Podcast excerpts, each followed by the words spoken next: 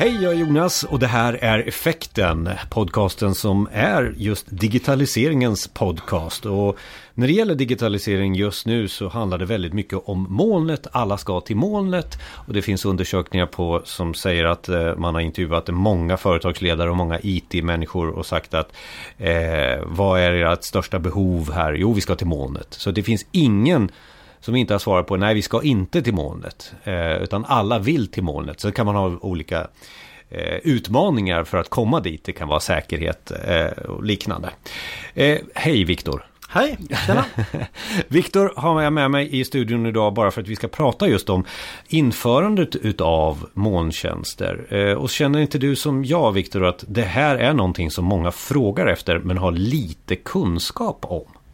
Ja, absolut. Eh, det ser vi hos eh, många av de kunderna som jag har jobbat med på, på det senaste här som har ett behov av att kunna komma upp i molnet. Man har problem med att eh, man har filer kvar som ligger i gamla mejlhistoriker, det ligger på, på lokala hårddiskar och ibland tappar man den här datan och ja, och då, då finns det liksom det här behovet. Hur kan vi säkra upp vår arbetsprocess och våra filer så att det fungerar bättre. Bland annat. Bland annat, ja, ja. precis. Och det, fördelarna i molnet är ju inte bara just eh, filer kanske utan det finns ju massor med olika grejer. Men om vi skulle mm. zooma in idag bara för att vara lite konkreta mm. eh, och applicera det på en, en typ av molntjänst, eh, Office 365 då, eh, så, så, så, så kan man ju säkert använda den här principen som vi kommer prata om här ungefär i 20 minuter på, på nästa och nästföljande molntjänst då.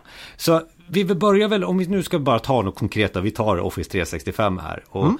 eh, du har ju eh, ganska väl kunskap runt omkring det. Så först och främst, vad är Office 365 för, för dig då, mm. Viktor? För mig så är Office 365 en, en verktygslåda med olika program eh, som man kan använda för olika typer av, av, tjänster.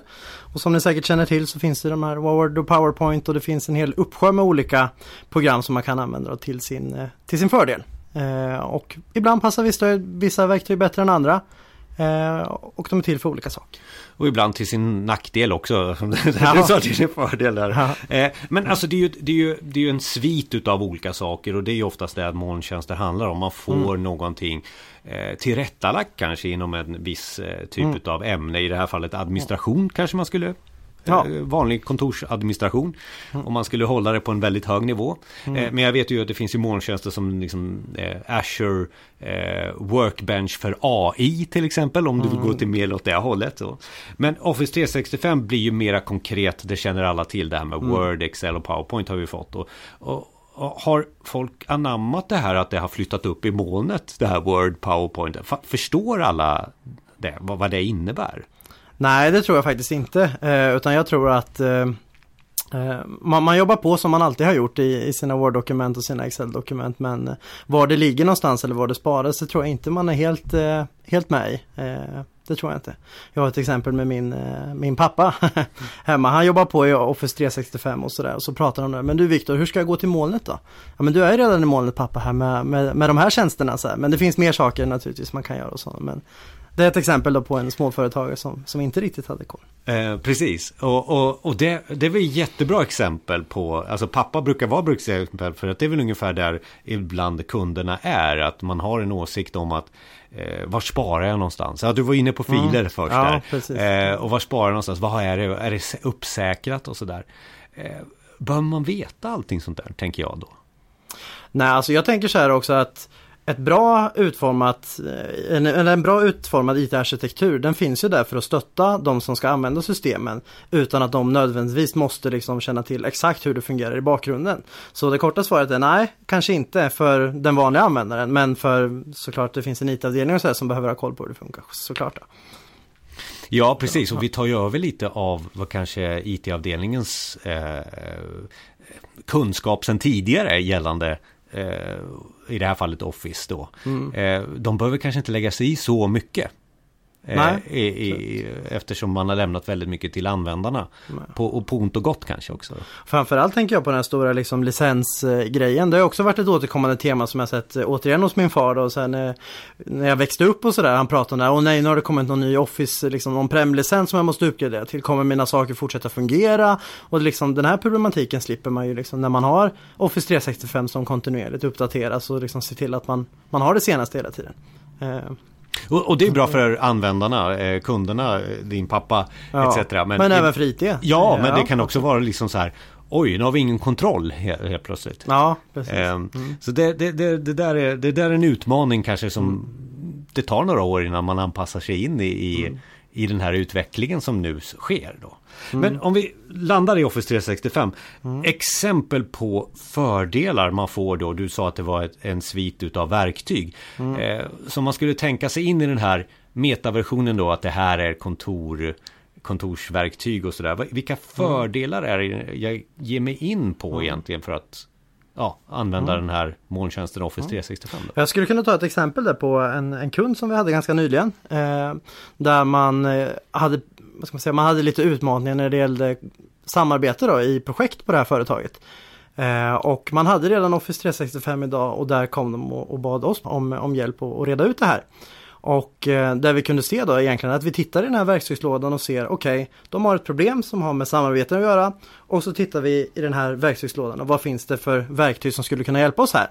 Och bland annat då utöver Excel och PowerPoint och de här grejerna så, så finns ju då bland annat Microsoft Teams som är en chattbaserat samarbetsnav.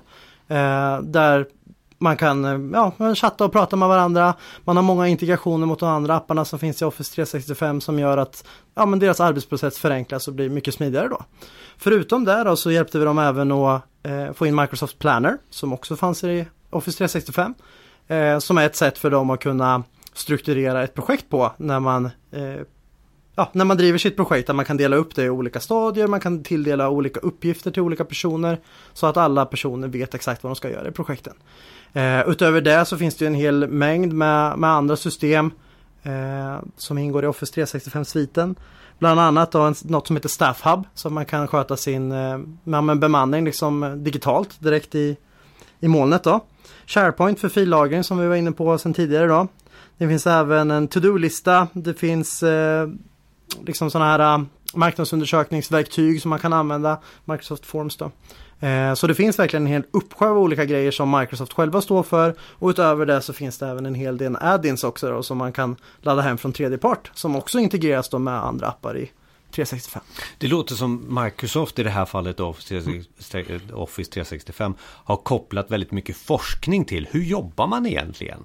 För, mm. för det du nämner för mig det är ju liksom okej okay, vi löser det här med vanlig kommunikation först kanske. Mm. Sen ska vi börja samarbeta, du nämnde verktyget Teams där. Mm. Och sen så, så, ja, så jobbar vi oftast i projekt, ja då kopplar vi planer till det. Och sen mm. har vi någon, några oftast, vi delar på scheman och sånt där, och då blir det hub. Så det, för mm. mig låter det som att de har verkligen forskat och tänkt på vad är, hur jobbar man kontorsmässigt och så kopplar man det till, eller man mm. utvecklar ut, eh, verktyg. Har man lyckats, tycker du? Eh, om mm. du tar dina kunder som du, du jobbar med, mm. kopplingen till vad de vill ha, kopplingen till vad som finns i den här verktygslådan. Ja absolut, det tycker jag. Jag tror att även om det finns mycket verktyg och sådär så har de varit ganska smarta då, att man inte har låst sig till att det är precis bara de här funktionerna vi ska kunna göra utan verktygen är väldigt flexibla. Det finns liksom stora möjligheter att modifiera och göra så att de här liksom eh, passar in för just din verksamhet. Eh, och då kommer vi tillbaka lite grann till det där att det ska vara så pass stöttande och bra så att det nästan inte märks liksom för slutanvändaren och det tycker jag att de har lyckats jättebra med. Ja, för det har ju alltid varit ett problem att man hela tiden ska installera någonting och anpassa någonting. Mm. Är det enklare där när man har det där uppe i, där uppe i molnet tror du?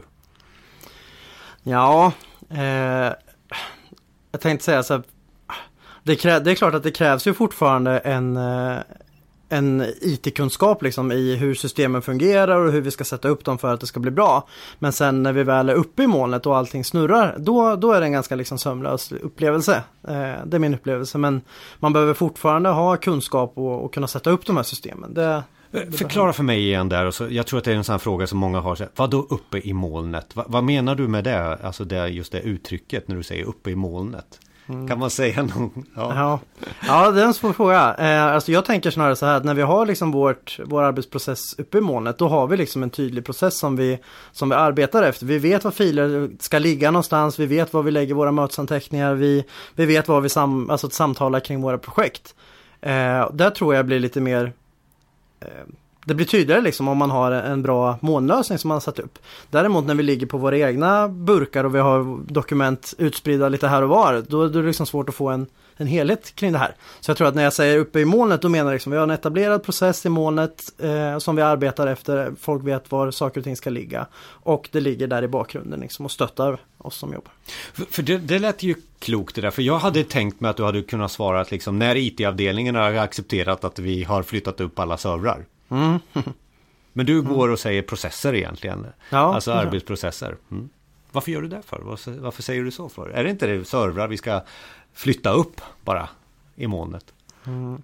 Nej, jag ser det inte så utan där ser jag ju liksom som att vi eh, eh, När jag säger processer så, så har jag liksom slutanvändaren i tanke. Eh, egentligen att att den här flytten från servrar upp till molnet det är ju egentligen bara det IT-avdelningen vill ha gjort eller deras arbete som de behöver göra. Men, men det som är intressant här det är att prata om nyttan för de som jobbar ute i verksamheten och då handlar det mer om processer än att flytta server upp i molnet. Och, och det är inte så mycket diskussioner om vi tar användarna där. De diskuterar kanske inte Diskuterar du verktygen med användarna?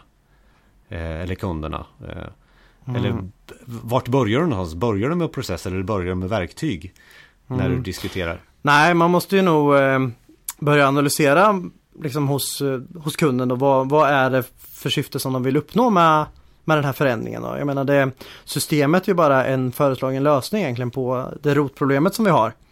Eh, utan det handlar ju om att försöka boxa in då egentligen vad är kundens problem och hur kan vi lösa det här? Eh, då kan vi titta sen att det är inte säkert att det bara finns ett enda system som skulle kunna lösa deras problem.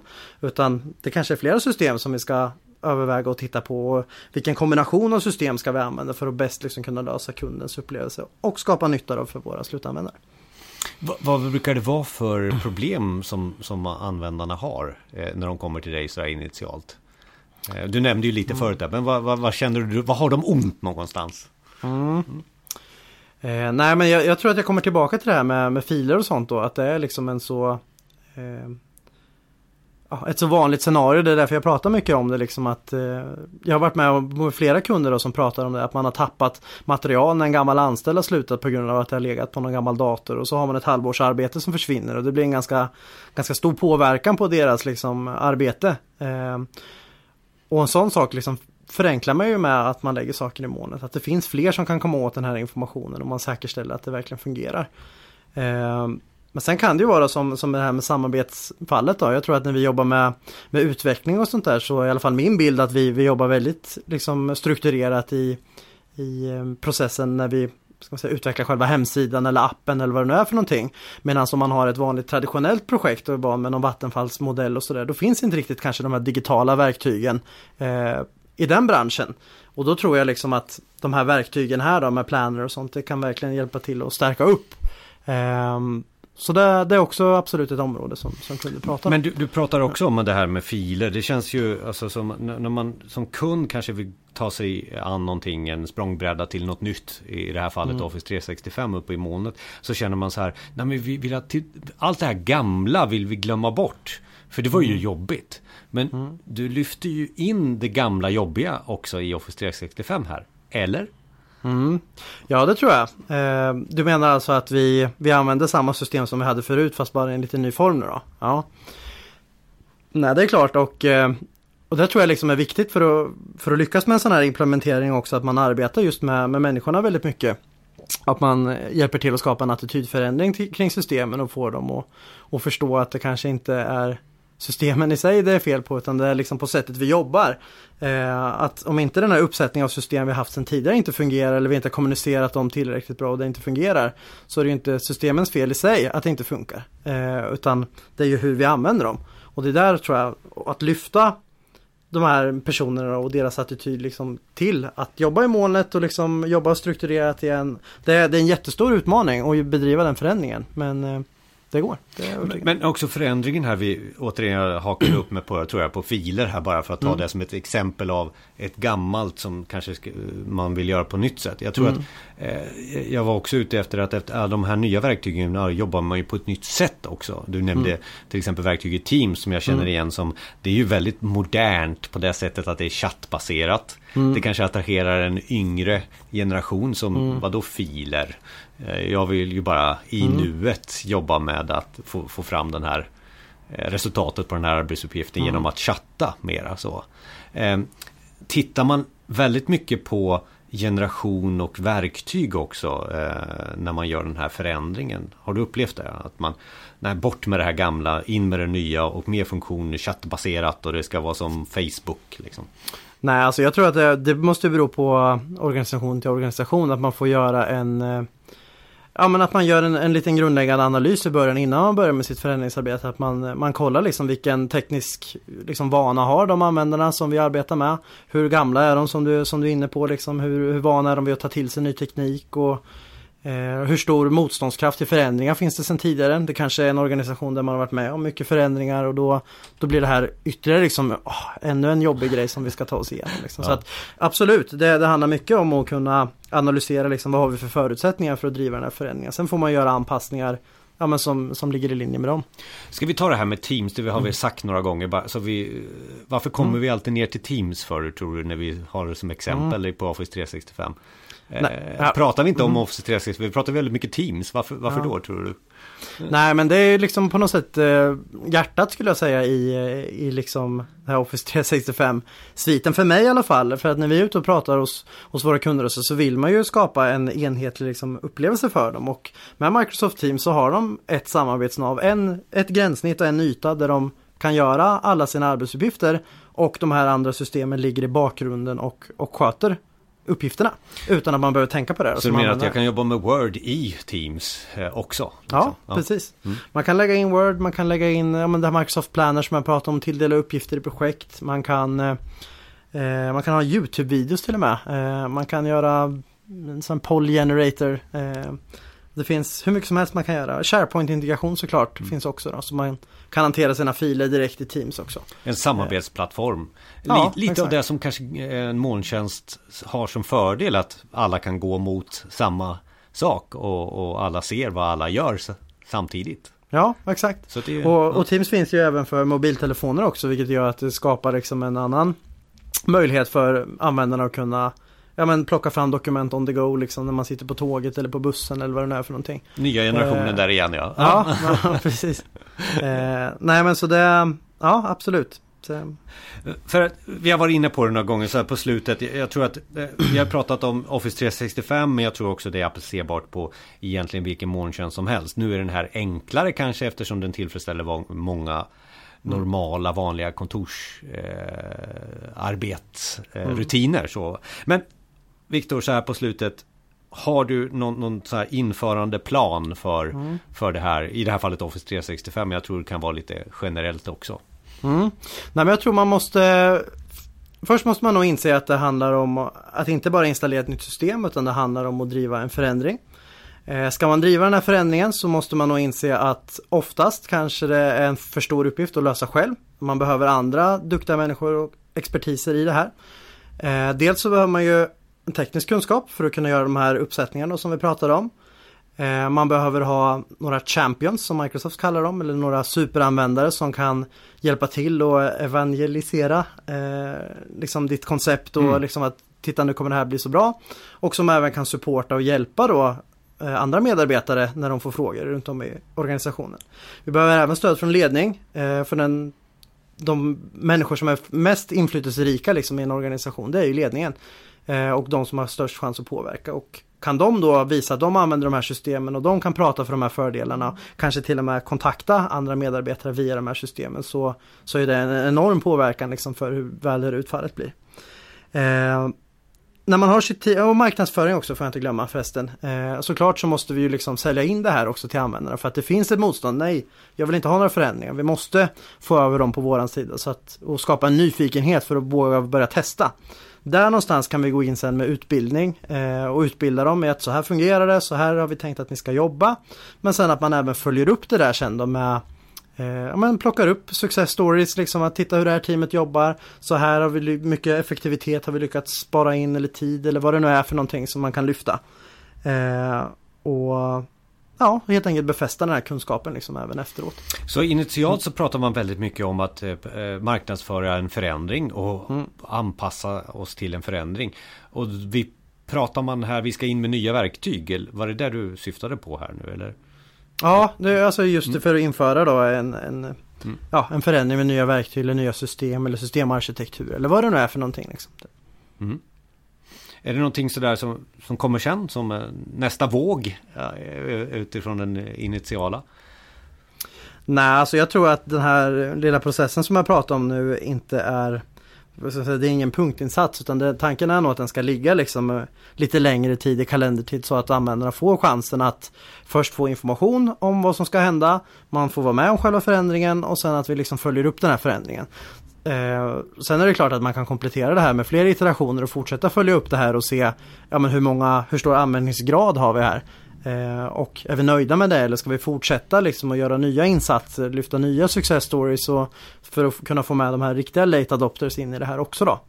Eh, det kan man absolut göra men det beror lite på fall till fall och hur mottagliga man är då. Och ett parallellt spår kanske är den här teknikgrejen att IT-avdelningen får vara med och eh, få in det här. Men det kanske är väl en applicerbar del på dem. Att förändring kommer att ske för dem också.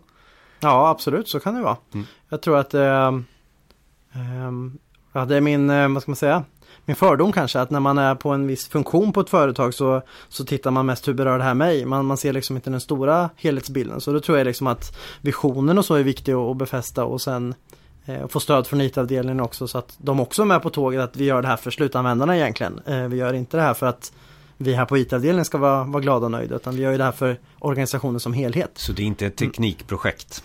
Nej, precis. För det, det, är en vanlig missuppfattning tror jag också så här att många som vill driva ett sånt här förändringsprojekt att man, man, man lägger det på sin IT-avdelning. Men IT-avdelningen de är ju väldigt duktiga på just det tekniska och kan kanske hålla utbildningar kring hur det funkar och sätta upp hur ska miljön och sånt fungera. Men, men just när det kommer till det här med, med marknadsföring och sådana saker då, är de bäst lämpade för att göra det?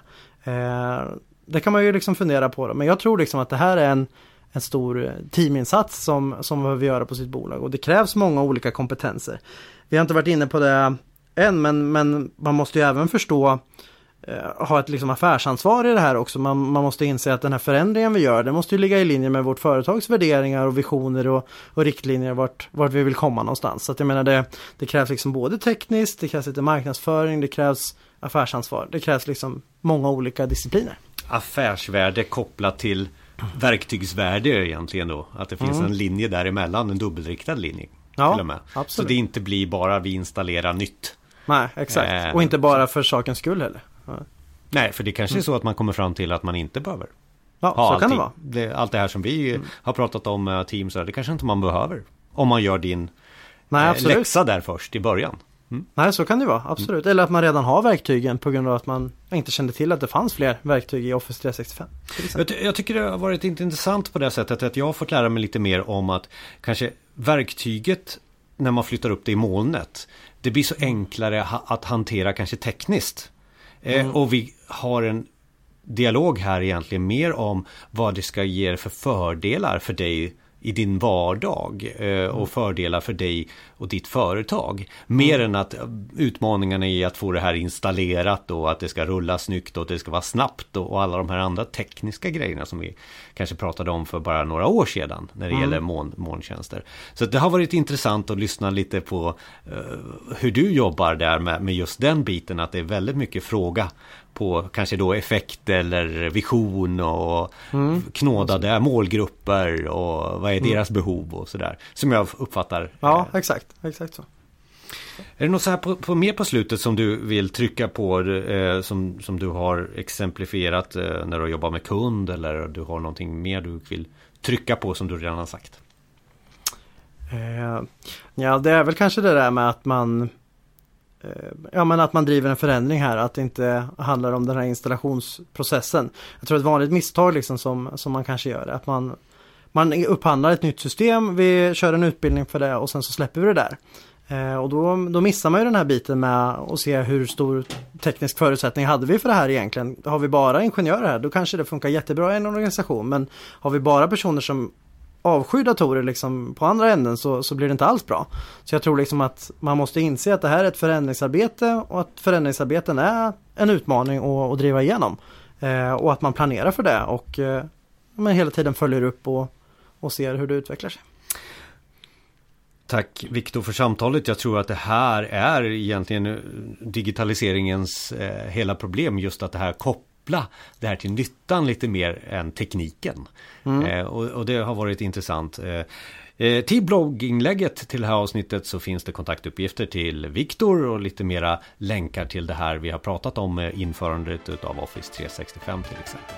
Mm. Så tack återigen Viktor. Ja, tack själv.